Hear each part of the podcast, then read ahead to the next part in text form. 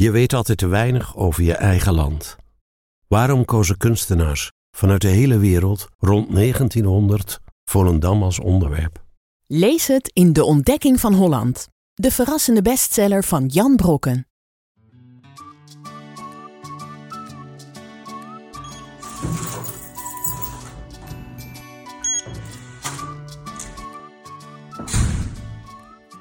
Zojuist weer gehelmd door de stad gefietst. En wat zag ik? Blauwe zwaaibusjes van de politie.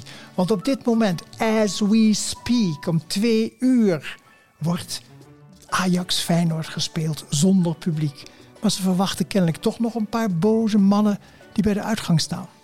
Mijn naam is Simon Dekker Hupkes. Welkom bij Van Dis Ongefilterd en welkom terug Adriaan van Dis. Goedemiddag. Goedemiddag Adriaan. En je hebt dus ook verklapt dat wij opnemen op woensdagmiddag en we gaan live op zaterdagochtend. En ik ga nog een stapje terug in de tijd. Want zondagmiddag 24 september was ik aanwezig bij de wedstrijd Ajax-Feyenoord. Een klassieker, wist ik veel. De klassieker. De klassieker. Iemand vroeg mij, Adriaan, hou je voor voetbal? En ik zei, ach, zodra het landsbelang in het geding is, dan ben ik geïnteresseerd in voetbal. Hier was het landsbelang kennelijk in het geding. Ik ben meegegaan. Ik vond het een geweldige ervaring, laat ik dat voorop stellen. En het leuke van voetbal is, ik weet er niks van, maar je leest één artikel over de zwakke verdediging van Ajax, gatenkaas. Je leert de naam van de laatste trainer uit je hoofd, Maurice Stijn, en van de technisch directeur Sven Mislintat, die veel aankocht en ze nu dan een procentje eraan overhield. Je hoort dat Steven Berghuis de aanvoerder is, omdat Steven Bergwijn last heeft van zijn verstandkies. En je kan met iedereen meelullen. Het is een zeer democratische sport. En ik kwam daar en wij stonden, voor ik het wist, tussen de F-side mannen. Hechte familie, dus had ik meteen door. Tatoeage verplicht. Ik keek ernaar, dacht ik, als een antropoloog. Een sleeve, zo'n bonte arm, ach, dat is voor watjes. Maar een beetje vent laat vandaag de dag een half gewas in zijn nek tatoeëren. Tot over de oren van zijn opgeschoren kop. En op dat moment, ja, dan slik ik mijn kakkineuze accent een beetje in. Dan Ja. pas Hoe- ik me aan. Hoe in praat je dan? Ik wil niet zeggen dat ik zou gaan praten, maar ik doe het, probeer het een beetje te minderen. En dan kun je ook weer zeggen, ja, maar bespot je de mensen dan niet? Ja, misschien, maar ze bespotten mij ook met Ja. mijn rare accent. Ja, dat is een normaal menselijk gedrag, toch? Dat een beetje doen zoals de persoon tegenover En ik ben een, Ja. ben een chameleon. En ik heb met heel veel fans gepraat. Eh, onder andere met een patatbakker die heel goed in het vet zat. En ook in zijn slappe was. En allerlei vrolijke Amsterdammers. Er wordt namelijk ongelooflijk veel gedronken in en buiten het stadion. En dan raak je in gesprek met een autoverkoper die hele dure merken verkoopt. Hij heeft een beetje een hekel aan de mensen die die auto's kopen. Maar op zondag kan hij zijn agressie kwijt. Lekker schreeuwen. En met hem zei ik, nou, dat gaat wel verliezen. Hij zei, nee, Ajax gaat zeker winnen. Oh ja, zei ik, wetje maken? Nee, ga nou niet wedden. Het is gewoon zo. Heerlijk.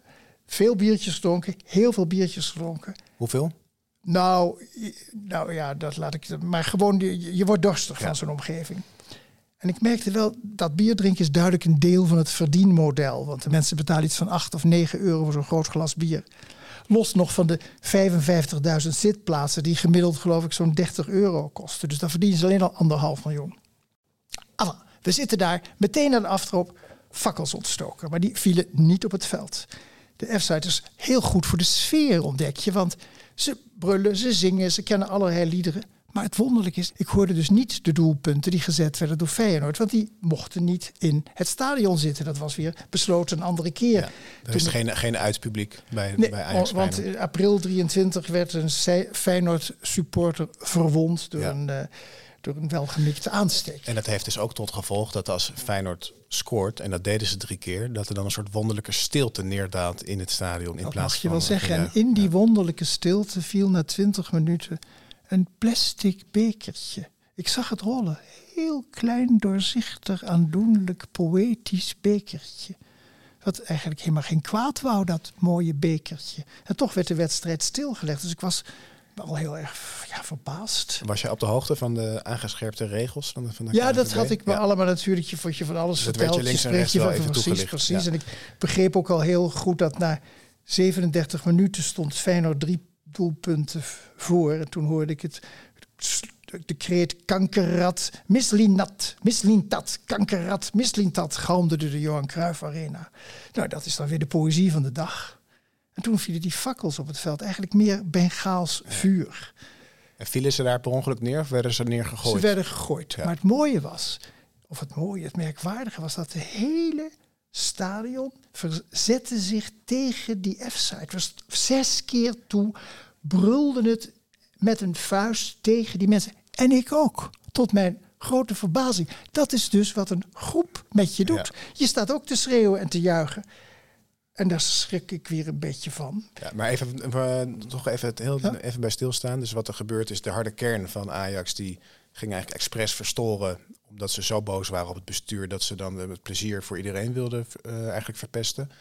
En dus de andere, zeg maar het beschaafde deel der Ajaxide die werd eigenlijk boos op hun harde kern. Van ja, kappen nou, wij willen Ajax zien. Ja, maar ik vind, ik, kijk, het wonderlijke is, er is niet eens zo'n groot verschil volgens mij tussen die F-site en de top.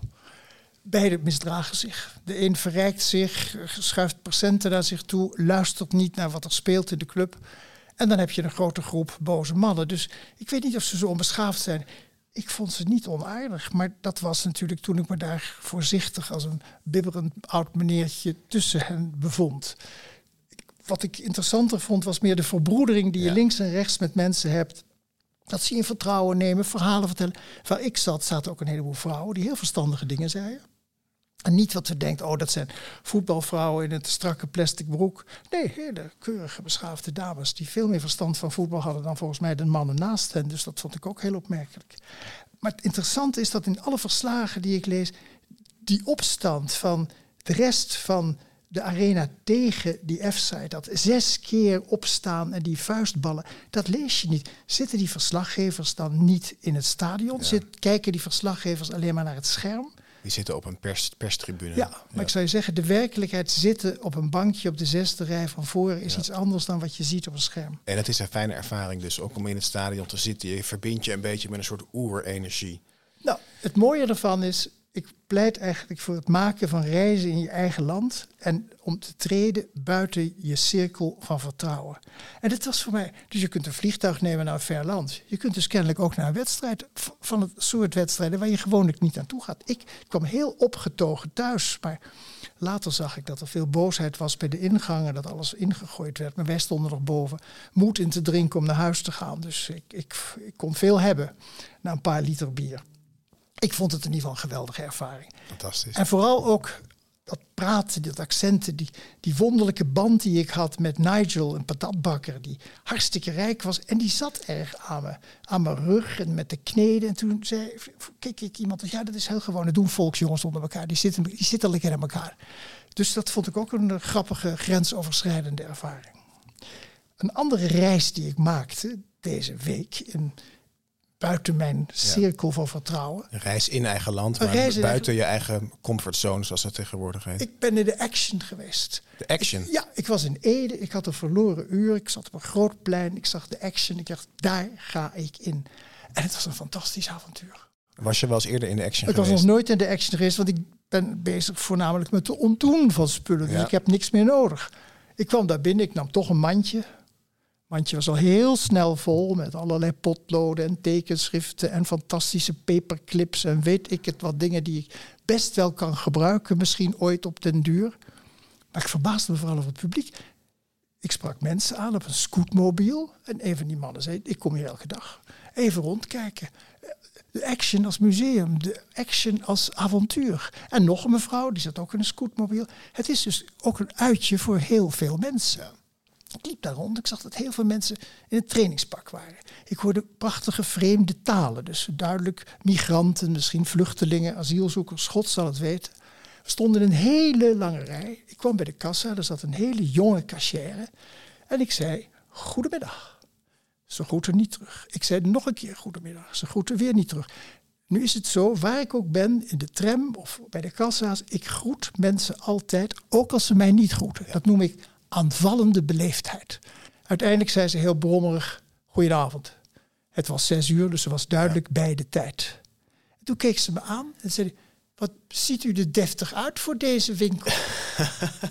ik had alleen maar een blauw jasje aan, Want ik ging die avond een lezing geven in Ede. Maar die ene opmerking maakte ook het bezoek aan de Action een avontuur. Nog nooit ben ik in een winkel aangesproken op de manier waarop ik eruit zit. Action, ik vond het geweldig. Het was een hoogtepunt van de dag.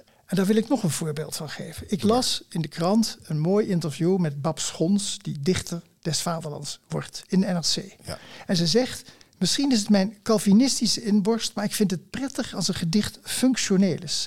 Ik wil dat een gedicht iets doet. Ik bedoel, poëzie moet natuurlijk niets, maar een gedicht mag ook ontregelend, prikkelend, zalvend, louterend, helend zijn. En dan geeft ze een heel mooi voorbeeld van een gedicht dat geschreven is door de Zuid-Afrikaanse dichter Diana Ferris over Saartje of Sarah Baartman. Dat was een Khoi vrouw uit Zuid-Afrika. Khoi was wat wij vroeger noemden hottentotten. Maar dat is een woord dat Jan van Riebeek gebruikte in een brief aan de heren 17. Dat is een ander woord voor stotteraars. Dus je zegt nu Khoi En in 1810 werd deze Sarah Baartman als menselijke attractie naar Europa ontvoerd. Ze werd eerst tentoongesteld in Engeland en in advertenties aangeprezen als de Hottentot Venus. Maar daarna werd ze doorverkocht aan een Franse dierentrainer, Monsieur Rowe, en die zette haar in haar freakshows tentoon. Uiteindelijk kwam ze in de handen van geleerden, want die wilden onderzoek met haar doen. Monsieur Cougier en Monsieur Saint-Hilaire. Die wilden vooral haar genitaliën nader bestuderen. Ze wilden haar blootzien. Dat weigerde ze tot aan haar dood. Uiteindelijk waren ze niet meer in geïnteresseerd en zo belandde die arme Sarah, met wie het heel slecht ging, in de prostitutie. Uiteindelijk stierf ze op 25-jarige leeftijd. Er is wel een gipsafdruk van haar gemaakt. En haar hersenen en genitaliën zijn op sterk water gezet. En die waren altijd te zien in het Musée de l'Homme in Parijs die geleerden schreven nog over Sarah Baartman dat zij de missing link was tussen mens en aap. Want ze had de lippen van een orang-oetang en wollig haar. Darwin zou trots geweest zijn op deze vondst. Die Diana Ferris, die dichteres uit Zuid-Afrika die een koi-koi-achtergrond heeft, die, had, die, die was zo geraakt door deze geschiedenis dat ze een gedicht daarover schreef. Ze deed een beroep op de Franse regering om dat lichaam terug te sturen. En haar weer te herbegraven in de streek waar ze vandaan komt, in de Oostkaap. Maar de Fransen weigerden dat, want er is een wet in Frankrijk die al sinds 1850 geldt dat alle bezittingen in Franse musea aan de staat toebehoren. Toen schreef ze dat gedicht. Een heel mooi gedicht waarin ze zegt: Je bent welkom om terug te keren. We gaan je herbegraven. Dat gedicht werd gelezen door een senator en die vertaalde dat in het Frans. En dat las hij voor de Senaat. En de hele Senaat was zo geroerd dat ze toen besloten de wet te veranderen. En Sarah terug te sturen naar huis. En dus dan zegt Sarah. een uitzondering te maken, maar echt die wet ook. De wet is veranderd, nu mocht het. En die Sarah zegt dan ook, wat ze is begraven in 2002 is ze teruggebracht en begraven in de Oostkaap. Uh, Ferris zegt dan ook: Words healed, words can still heal. Ja, dan zijn we dus alweer aangekomen bij ons uh, poëtische intermezzo.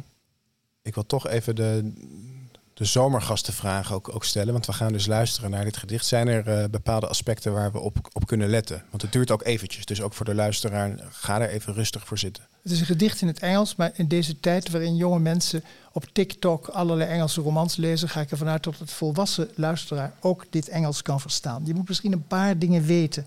Dat ze het heeft over the veld. The veld, dat is eigenlijk die grote woeste vlakte, de karoo, zoals dat ook wel genoemd of de karo, van, van bosjes en hei en veel kruiden. Dat is het veld. Dus het is geen voetbalveld. En ze heeft het ook over uh, de, de, de, de de, de protea, nou, dat is de nationale bloem van Zuid-Afrika. Ze beschrijft ook uh, allerlei kruiden, boegoe, boegoe en mint. Boegoe, dat is een soort kruid, een toverkruid waar ook thee van wordt gemaakt. En mint, dat noemen wij munt. Dus ze, ze beschrijft de oude bergen en ze weet dat ze aan de voet van die bergen uiteindelijk het graf zal vinden voor deze Sarah. Maar het zijn bijna allemaal hele makkelijke woorden. Open je ervoor. Alright, laten we luisteren. I've come to take you home. Home. Remember the felt. The lush green grass beneath the big oak trees. The air is cool there. And the sun does not burn. I have made your bed at the foot of the hill. Your blankets are covered in buchu and mint. The proteas stand in yellow and white. And the water in the stream chuckles, sing songs as it hobbles along over little stones. I've come to wrench you away, away from the poking eyes of the man made monster who lives in the dark with his clutches of imperialism, who dissects your body bit by bit, who likens your soul to that of Satan and declares himself the ultimate God. I've come to soothe your heavy heart. I offer my bosom to your weary soul. I will cover your face with the palms of my hands, run my lips over the lines in your neck, feast my eyes on the beauty of you, and I will sing for you, for I have come to bring you peace. I've come to take you home where the ancient mountains shout your name. I have made your bed at the foot of the hill. Your blankets are covered in buchu and mint. The proteas stand in yellow and white. I've come to take you home where I will sing for you. For you have brought me peace. For you have brought us peace. Daar hoor je dus wat invloed kan zijn van één gedicht. Hè. I've come to wrench you away. Ik ben gekomen om je weg te plukken van de prikkende ogen, van het monster, van het ja, imperialisme. Dat zijn hele grote woorden, maar toch weet ze dat heel poëtisch te zeggen. Toen ben ik eens gaan bladeren in mijn boekenkast. Er zijn toch veel meer gedichten geweest en kunstuitingen geweest die de tijd hebben veranderd. We weten allemaal de Moette di Portici. Dat is geloof ik een opera geweest die gespeeld werd in Brussel. Toen brak de, de Belgische opstand uit. En dus daarmee hebben we België verloren met een opera. En toen dacht ik, maar in India had je Rabindranath Tagore. Dat was een dichter die zich met zijn poëzie verzette tegen de Engelse overheersing in India. Ja, het is ook een beroemde naam. Toch? Hele beroemde naam. In 1913 kreeg hij de Nobelprijs voor de literatuur. Had ook een prachtig uiterlijk. Heel mooi uiterlijk, een grote baard. Hij trok rond in China, hij werd beïnvloed door Mao, door, door alle onafhankelijkheidsgedachten. En van hem is een hele beroemde regel, en dat is We will judge you. We moeten onze stem vinden om tegen het Westen te kunnen zeggen: Jullie mogen dan misschien jullie spullen aan ons opdringen. Jullie mogen misschien onze levensvooruitzichten dwarsbomen. Maar wij zullen over jullie oordelen. Dat zei hij in 1924. Dat had een geweldige echo. Wat, wat voor echo had het? Dat de jonge mensen op de scholen en de universiteiten opstonden. We will judge you. Ja. En ook dus dit gedicht had ze maar toen der tijd bij de bevolking van India had een soort activerend effect. En ja, Tagore werd als het ware een dichter met een, met een, met een, met een, met een sterke boodschap waarnaar geluisterd werd. Ja. En niet alle dichters hebben dat en dat hoeven ze ook helemaal niet, maar soms heeft de tijd behoefte aan zo'n stem. En toen ik dacht aan het zinnetje We will judge you, dacht ik, ja, ik heb weer een andere echo gehoord. Want ik herinner me nog heel goed een brief, die was geloof ik in, in juni 2020. Toen hebben 600 Nederlandse theatermakers, filmers, kunstenaars van kleur, jong en oud, een tekst geschreven. Ja, dat was dus een, een, een open brief. Een open brief. Daar lees ik een klein stukje uit voor, want daar werd toen met het nodige gemor op gereageerd. We zien jullie. Jullie stukken, jullie verhalen, jullie geschiedenis. We doen mee, we denken mee, we spelen mee, we praten mee. Op jullie podia, op jullie symposia, op jullie schermen draven we op om jullie de ruimte te geven je in je eigen schuld te wentelen. Waarna je alles weer van je af kan spoelen en fris en fruitig op je hoge stoel kan zitten. Wij zien jullie. Ja, ik weet het niet. Uh, dat is een tekst die toch bij mij nog steeds een lange na-echo heeft. Hij resoneert, zoals ze Hij resoneert, dat is het prachtige woord. Ja. Dat resoneren vond ik bijvoorbeeld ook bij een Zuid-Afrikaanse dichteres die nu zeer gevierd wordt. Zij heet Ronelda Kamfer, zij is zwart. Maar zij schrijft in het Afrikaans, het Afrikaans, die taal van die onderdrukker. Maar zij werd ontdekt op een creative course met Antje Krog. Die dacht, wat een talent zit hier. En zij gaf Krog, alle kansen. legendarische Ja, de, de, de beroemde Antje Krog, de dichteres, die ook in Nederland veel optreedt. En die, die Ronelle Kamfer beschrijft in haar gedicht hoe ze de goedkope labels uit haar gedichten knipt. Hoe ongemakkelijk ze zich voelt als ze wordt uitgenodigd in die, bij die witte, deftige mensen die haar plotseling allemaal omarmen. En ze probeert wat ze dan zelf noemt haar tekort aan kunst en cultuur te verbergen. En daar heeft ze één gedicht geschreven. En dat gedicht heeft diezelfde natrilling, althans voor mij. Dat begint, nou zit ik om een tafel met mijn voorvaders ze vijanden.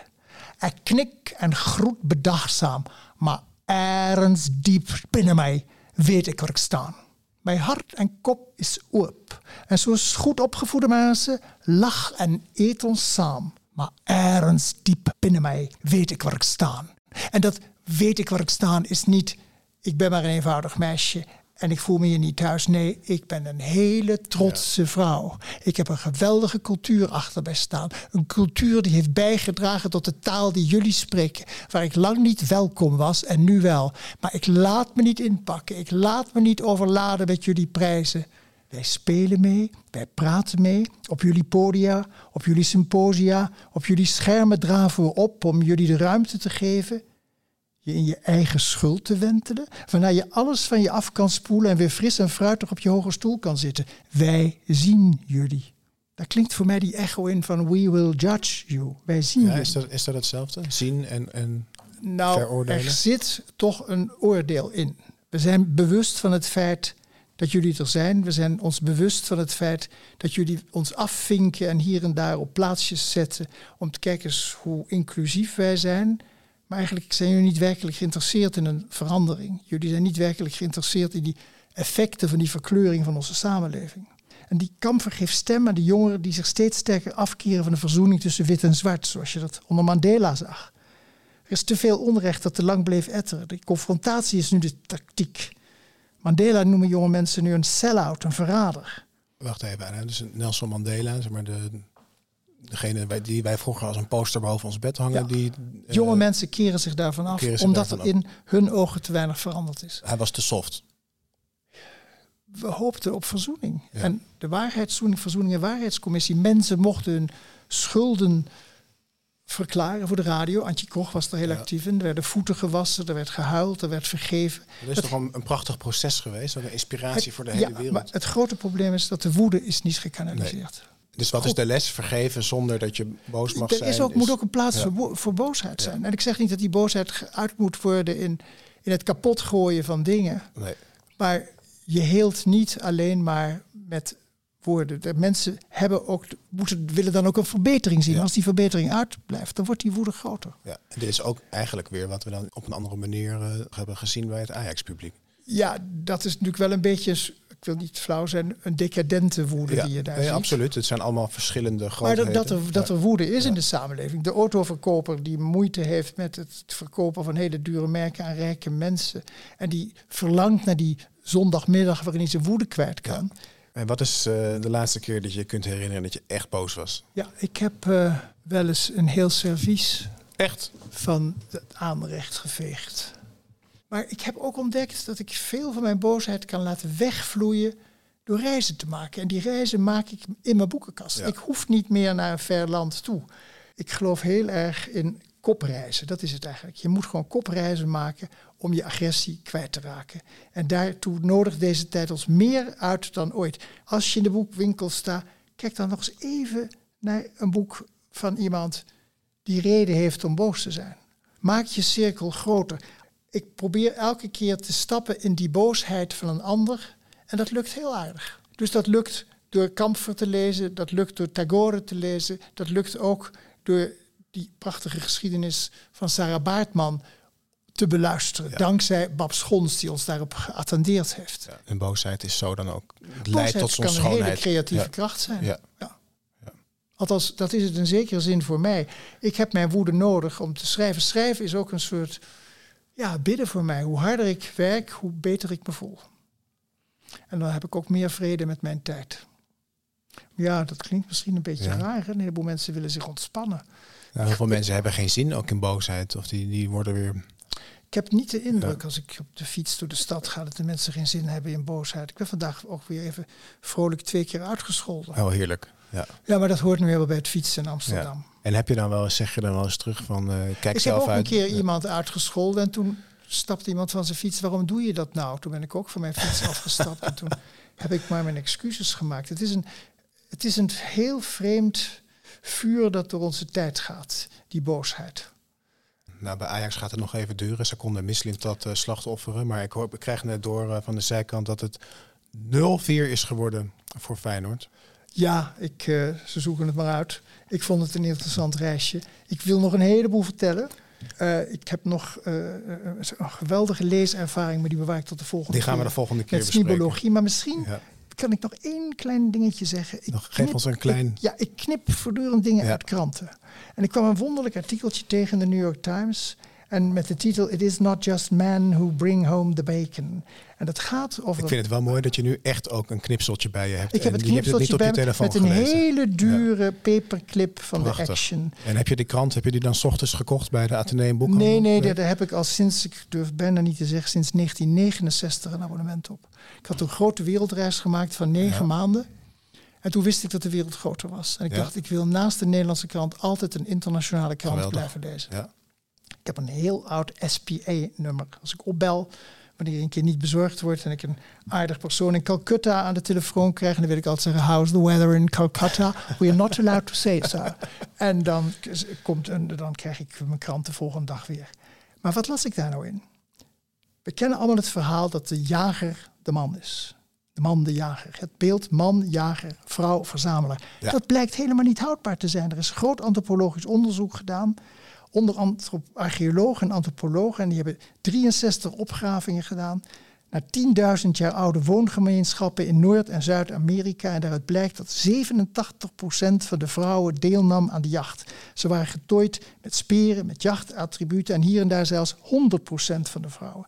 Ook in Zuidwest-Afrika vond men dergelijke sporen. De vrouw als jager. En de onderzoeker, Dr. Waller Schijver, die zegt... Who you are shapes the questions you ask. Dus je stelt de vragen. eh, omdat je vrouw bent, stel je misschien een andere vraag. Ze had het gevoel eh, dat ze als het ware een blinddoek afdeed toen ze als vrouw ging kijken naar de onderzoeken. En, eh, maar er was altijd geleerd om met de mannelijke blik te kijken. Ze zei, wat moet ik eigenlijk nog geloven wat mij als kind verteld is? En de moraal van dit verhaal is, de witte mannelijke blik verdwijnt. Ook op dit punt. Niets is meer zoals het was. Wen er maar aan. En wat doet het dan met ons, zeg maar, de, de, de witte man? Dat we zeggen van, oké, dus dit... eh, Het maakt je wereld groter en wat je doet is je begrijpt ook beter die woede. Eh, kijk, Sarah Ferris die zegt, ja, ik vond nu vrede omdat we jou de vrede geven en te begraven. Ja. Om te begraven, maar die vrede die is, die is natuurlijk eh, niet zonder strijd eh, gegeven. Dus daar zit ook woede aan. Die woede, die boosheid. Ik heb geen idee hoe ik het moet oplossen. Maar laten we in ieder geval proberen, wat ik dus noem, die aanvallende beleefdheid. Ik, en in die aanvallende beleefdheid zit al heel veel agressie. Hè? Gewoon blijven groeten, ook als iemand je Ja. niet groet. Ook Ja. tegen de conducteur. Dat er geen trein, geen de Vira weer eens niet rijdt. Of hoe heet dat? eh, Intercity direct. Geen conducteur. Niet boos zijn. Ja. Niet boos zijn. Niet boos zijn. Niet boos zijn! Dankjewel, Adriaan van Dis. Dankjewel Simon. Je hebt geen idee wat je bij me losmaakt. Want alles wat ik hier ratel komt naar de vragen van jou. Van Dis Ongefilterd. Om de week te beluisteren in je favoriete podcast-app. Van Dis Ongefilterd is een podcast van uitgeverij Atlas Contact. Presentatie Simon Dikker-Hupkes. Regie, productie en montage Ellen van Dalsem, Bartje Ronkiers en Erik Bransen.